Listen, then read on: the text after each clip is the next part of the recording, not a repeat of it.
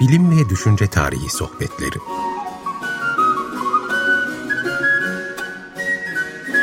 Hazırlayan ve sunanlar Derya Gürses Tarbak ve Doğan Çetinkaya.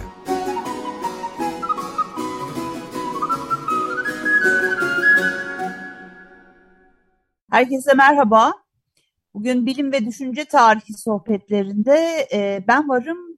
Doğan hocamız e, iznini istedi. Çocuğunun okulu başlıyor bugün. Dolayısıyla Zafer Duygu e, hocamızla birlikte e, bugünkü yapacağımız program erken dönem Hristiyan entelektüel geleneği üzerine olacak. Size Zafer hocamızı tanıtmak istiyorum. Zafer Duygu, Celal Bayar Üniversitesi Tarih Bölümünden lisans derecesini, aynı üniversitenin Sosyal Bilimler Enstitüsü'nden master ve doktora derecelerini almıştır. Sonra Carolina'da Duke Üniversitesi'nin Religious Studies bölümünde TÜBİTAK destekli doktora sonrası araştırmalarını yapmıştır. Felsefe ve din bilimleri alanında da 2018 yılında doçent olmuştur. 9 Eylül Üniversitesi İlahiyat Fakültesi'nde öğretim üyesi olarak görev yapmaktadır. Kendisi üretken bir akademisyen, uluslararası hakemli dergilerde yayınlanmış e, makaleleri var. E, bugüne e, kadar da basılmış kitapları e, bulunmakta. E, bu örnek yani bu kitaplara örnekler vermek istiyorum size.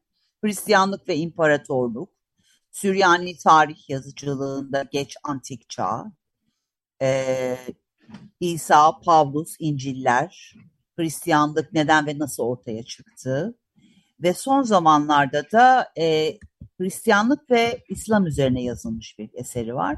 Hocam hoş geldiniz. Hoş bulduk. Merhabalar Derya Hocam. Merhabalar.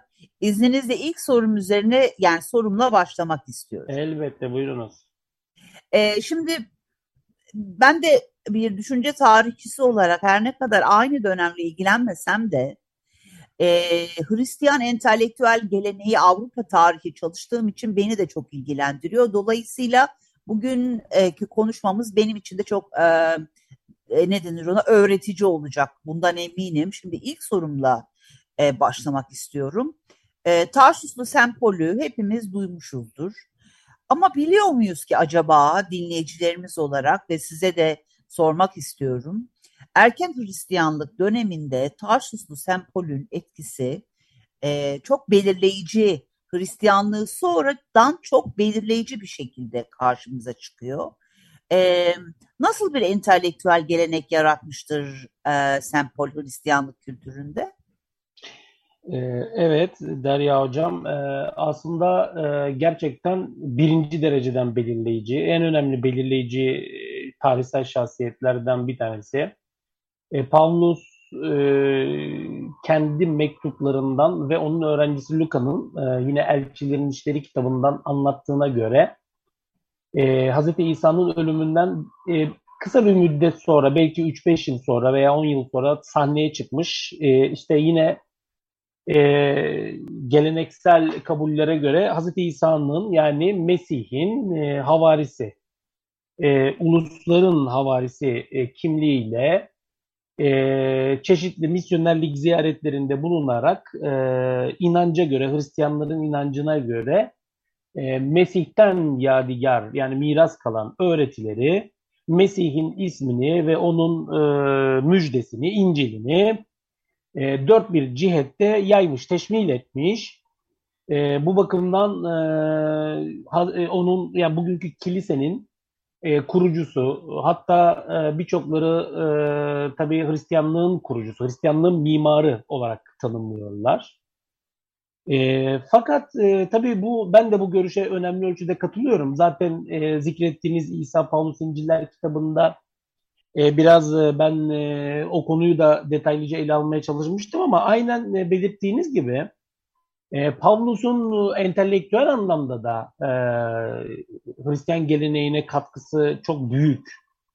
E, belki henüz mahreç noktasında, başlangıç noktasında e, yani bu konuda çok şey söyleyebiliriz ama e, süre konusunu da herhalde göz önüne alarak özellikle iki noktadan gidebilirim.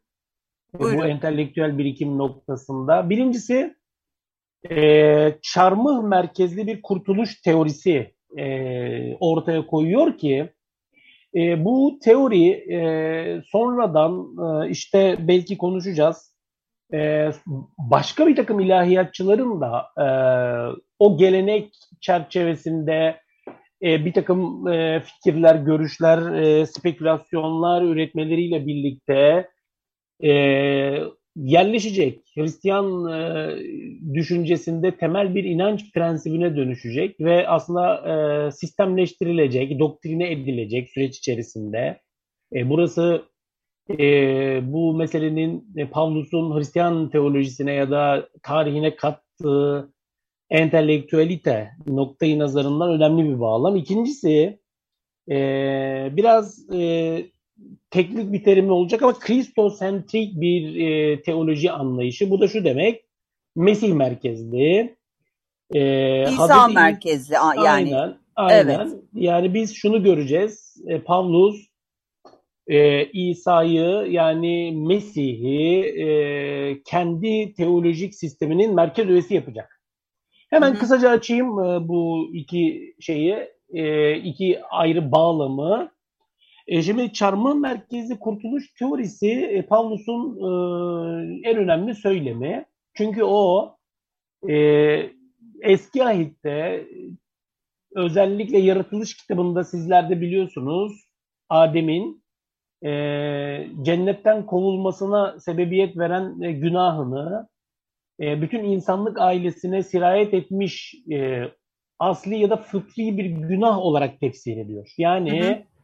İnsanlığın e, o günahtan dolayı Adem'de e, ilk defa olarak Adem'de ortaya çıkan e, neşvi nema bulan bu günahtan dolayı o günahın mirasçıları olduklarını e, miras aldıklarına ve dolayısıyla bütün insanlık ailesinin günahlı e, doğduğuna sebebiyet veriyor. Zaten onun e, bu anlayışıdır ki e, teosentrik yani tanrı merkezli anlayışı kristosentrik yani Mesih merkezli bir anlayışa dönüştürmesine sebep olan. Bakınız burada da şunu özellikle vurgulamak istiyorum. Biz aslında Hz. İsa'nın e, bizzat yeni ayet metinlerinde, İncil'lerde özellikle vurgulanan anlatılan rivayetlerdeki teolojik, kristolojik pozisyonuna baktığımızda Hz. İsa'yı daha ziyade e, Yahudi monoteizmi ve Musa şeriatı temelinde vaazlar veren bir vaiz, bir belki bir peygamber figürü e, gibi görüyoruz. Yani e, bizim e, görebildiğimiz kadarıyla Hz. İsa e, kurtuluş için mesela e, özellikle e, Musa yasası yani Tevrat kavramına e, vurgu yapan e, bizim Allah dediğimiz Allah merkezli bir e, teolojik e, öğretiyi savunan Ha pardon ee, burada keseyim. Bizim dediğiniz e, Müslümanlardan mı bahsediyorsunuz hocam? Şimdi şöyle evet e, ama bizim Allah hani neden bizim Allah dediğimiz dedim. Çünkü biliyorsunuz İsrail'in tanrısı evet biz ona Allah diyoruz. E, onlar Yehova diyorlar ama Hz. İsa'nın teolojisinde e, tanrı merkez figür. Çünkü o devamlı Tanrı'nın egemenliğinden, göklerin egemenliğinden e, bahsediyor. Fakat evet. bu değişiyor ölümüyle birlikte. Hz. İsa'dan sonra işte Pavlus, e, Pavlus'un teolojik e, sisteminde Tanrı'dan ziyade Mesih ön plana çıkıyor. Neden? Çünkü biraz önce bahsettiğim o çarmıh e, merkezli kurtuluş teorisi ve asli günah doktrini çerçevesinde Pavlus yeni bir tefsire, yeni bir açıklamaya yöneliyor. Hı hı. E, Adem'in e, e, getirdiği Adem'den miras kalan o, o günahın ki Pavlus e, milattan önce 13. yüzyılda işte e, Tanrı'nın Musa üzerinden insanlığa ya da Yahudilere indirdiği şeriatı da bu anlamda e, Adem'in günahına karşılık ağır bir boyunduruk ve bir cezalandırma olarak e, tanımlıyor. Hmm. Fakat e, müjde diyor yani iyi bir haber diyor. Zaten onun müjdesi yani bizim İncil dediğimiz şey Pavlus teolojisinde şöyle karşılık bulur. Evet diyor bakın e, günah Adem'den itibaren geldi. E, Musa'nın şeriatı da bunun bir cezasıydı, bir boyunduruydu ama işte şimdi ne oldu? Tanrı diyor kendisinden olan oğlu e, Mesih'i bize gönderdi. E, Mesih işte bizim aramızda yaşadığı mucizeler gösterdi. Nihayetinde öldü ve bu çarmıh üzerinde öldü. Bu çok önemli. İşte çarmıh merkezli kurtuluş teorisi dediğimiz bu. Çarmıh üzerinde e, canını ve kanını feda etti ve biz işte şimdi Mesih'in bu ölümüyle birlikte günahtan aklandık, yasadan da kurtulduk. Anladım. İşte, işte Pavlus teolojisinin e, oturduğu temel zemin e, burası Bu, oluyor. Burası tamam. Şimdi e, buradan geçmek istediğim bir soru vardı fakat süremiz e, bizi zorlayacak gibi görünüyor. Direkt olarak benim aslen ilgilendiğim başka bir konu var. Madem Sempol'ün bu e, hani doktrinal olarak etkisini e, şimdi çok iyi öğrendik. Şimdi ikinci geçmek istiyorum. O da şu. Erken Hristiyanlık döneminde bir problematik var. Ve bu orta çağda da kendini devam ettiren bir problematik. Eğer aynı fikirde değilseniz lütfen siz söyleyin ama ben önce bir ifade edeyim kendimi. Buyurun. Ee, hocam şimdi ortada şöyle bir şey var. Erken Hristiyanlık öğretileri var bir kenarda. Bir de bir tarafta Hristiyanların o dönemde pagan olarak adlandırdıkları bir e, ne denir antik öğreti var. Evet. Ve burada e, bir takım düşünürlerin ve yeri geldiğinde hani Hristiyan olup olmadığı konusunda bir takım tartışmalar var Plotinus'un ama Hı hı. e, siz bana açıklamıştınız bunu e, Hı konuştuğumuz zaman. Bu iki unsuru yani Hristiyanlık bilgisini ve Antik Yunan bilgisini birleştirmek, barıştırmak ve sentezlemek üzerinde bir takım çabalar var. Burada Hı hı. iki isim var ama önce müzik arası vermeden önce bize Plotinus'un bu konuda nasıl bir çabaya girdiğini ve takipçilerinden bahseder misiniz lütfen? Tabii ki aslında e, şeyiniz, tespitiniz doğru. Çünkü biz her şeyden önce bir ayrım yapmak zorundayız. E, hani biraz önce söyledim ya, Hz. İsa'nın kendisi ve öğretileri aslında birinci yüzyılın Yahudi konteksti içerisinde belki daha iyi anlaşılabilir, daha iyi yorumlanabilir diye. Hmm, Çünkü evet. e, hem biz Hz. İsa'nın öğretilerinde hem onun ilk cemaatinde e, havarileri de ihtiva eden hem de aslında bana göre o cemaatin takipçileri olan Nasraniler gibi, Ebyonitler gibi oluşumlarda e, Yahudi karakterin çok baskın olduğunu görüyoruz. Ama sizin de bahsettiğiniz gibi bizim sonradan adına Hristiyanlık diyeceğimiz din e, Yahudilikten e, koptuğu oranda bağımsız bir din hüviyetine evriliyor. E, Greco-Romen dünyada yani aslında Helenizmin e, din bakımından ise çok tanrılı, politeist, pagan dinlerinin egemen olduğu ve Filistin'den işin doğrusu uzaktaki coğrafyalarda e, daha ziyade doğuyor, neşvünema buluyor, gelişiyor ve e, tekamül ediyor. E, hatta bugünkü formunu da orada buluyor. Tabii e, burada da aslında e, Plotinus çok önemli ama Plotinus'un e, e, yani Neoplatonizmin e, biz e, Hristiyanlıktaki rolünü, önemini, ehemmiyetini anlayabilmek için de aslında bir şekilde Pavlus'un ortaya koyduğu bu e, Kristosentrik, Mesih merkezli anlayışa odaklanmak zorundayız. Neden? Çünkü e, Pavlus'un teolojik sisteminde Mesih'in e, birinci derecede ön plana çıkması e, aslında hem Pavlus tarafından görece belirli bir ölçüde hem de erken kilise babaları ve e, e, cemaatleri tarafından Hazreti İsa'nın şu veya bu ölçüde biz beşerüstü statüye yüceltilmeye başlandığını görüyoruz. Yani o Pavlusçu zemindeki kristosentrik açılım bir sonraki aşamada aslında belki Pavlus'la görece şu veya bu ölçüde ama hemen sonrasında e, Hazreti İsa'nın ya da Mesih'in belirli ölçüde beşer üstü statüye yüceltilmesi sonucunu vermiştir. E, ve özellikle bu Mesih meselesi e, yani kristolojik tartışmalar e, 2. yüzyıldan itibaren Hristiyan dünyayı allak bullak edecek.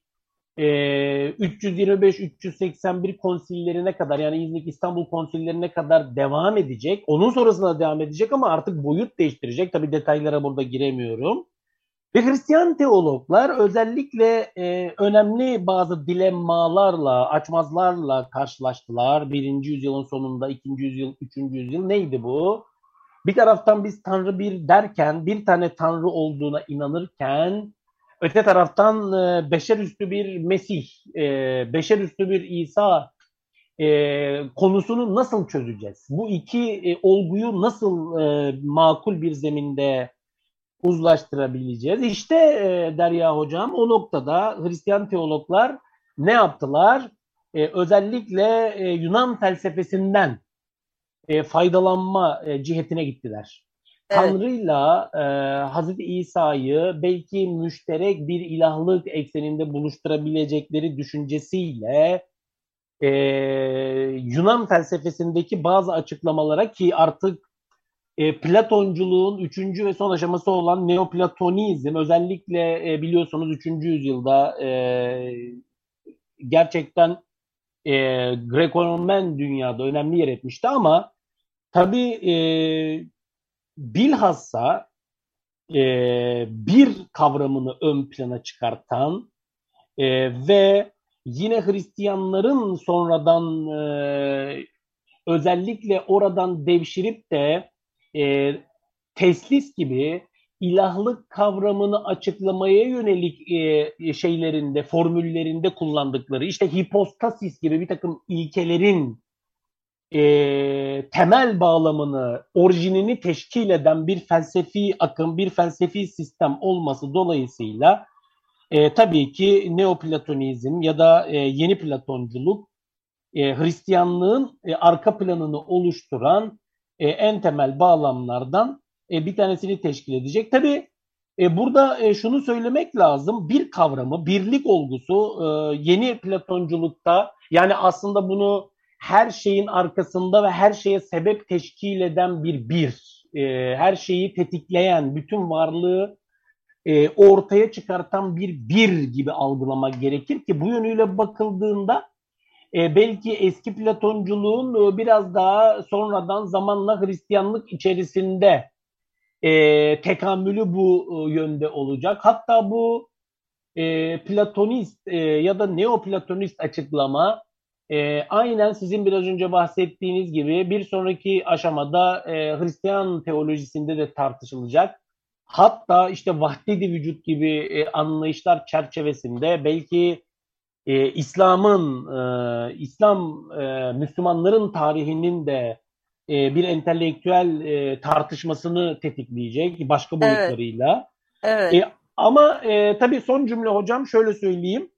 E, bundan sonrası için özellikle e, yani biz e, bir taraftan bu e, neoplatoncu tartışmaların devam edeceğini göreceğiz. Evet e, Hristiyanlar Hazreti İsa'nın tanrılığına dair e, prensiplerini, belli prensiplerini bunun üzerine kurgulayacaklar.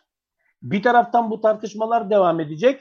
E, ama öte taraftan işte Augustinus gibi e, çok önemli e, bazı teologlar üzerinden de biz biraz önce yine söylediğim Pavlusçu düzlemdeki o e, asli ya da fıtri günah e, anlayışının da tekamül etmeye devam ettiğini göreceğiz. Zaten bu iki olgu bir yerlerde birleşip bugünkü Hristiyanlığın temelini teşkil edecekler. Tamam çok teşekkürler hocam. Tam bir müzik arası vereceğiz ama bugünün müziğini siz seçtiniz. O yüzden sizin tanıtmanızı istiyorum. Evet e, bu olanağı da bana sunduğunuz için ben de size teşekkür ediyorum. O mio babbina caro bu Puccini'nin bir operasından bir arya. Madem e, böyle bir konu konuşuyoruz bence e, onunla uyumlu olsun e, dedim e, Derya Çok teşekkür hocam. ediyoruz. O zaman dinliyoruz ve dinledikten sonra yeniden beraberiz.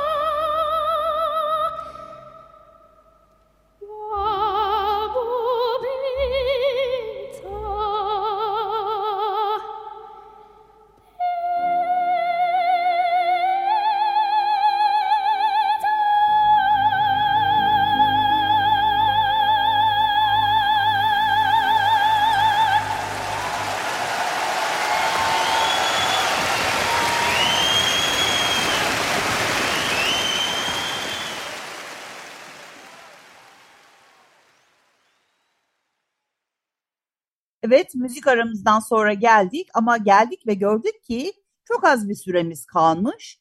Aslında e, bu da aslında çok kötü bir şey değil çünkü zaten benim Zafer Hoca'yla başka konular konuşmak gibi bir arzum vardı. Şimdi onu gerçekleştirmek durumunda zorunda kalacağız. e, bu da iyi bir şey değil mi hocam? E, size çok teşekkür ediyorum. Estağfurullah. Ee, ben davetiniz için, için, teşekkür evet. Çok teşekkür İyi ederim. çalışmalar diliyorum size. Sağ olun lütfen. Derya E, Hocam çok teşekkür ediyorum. E, Dinleyenlere de saygılarımı ve selamlarımı gönderiyorum. Çok teşekkürler. Herkese iyi bir gün diliyoruz.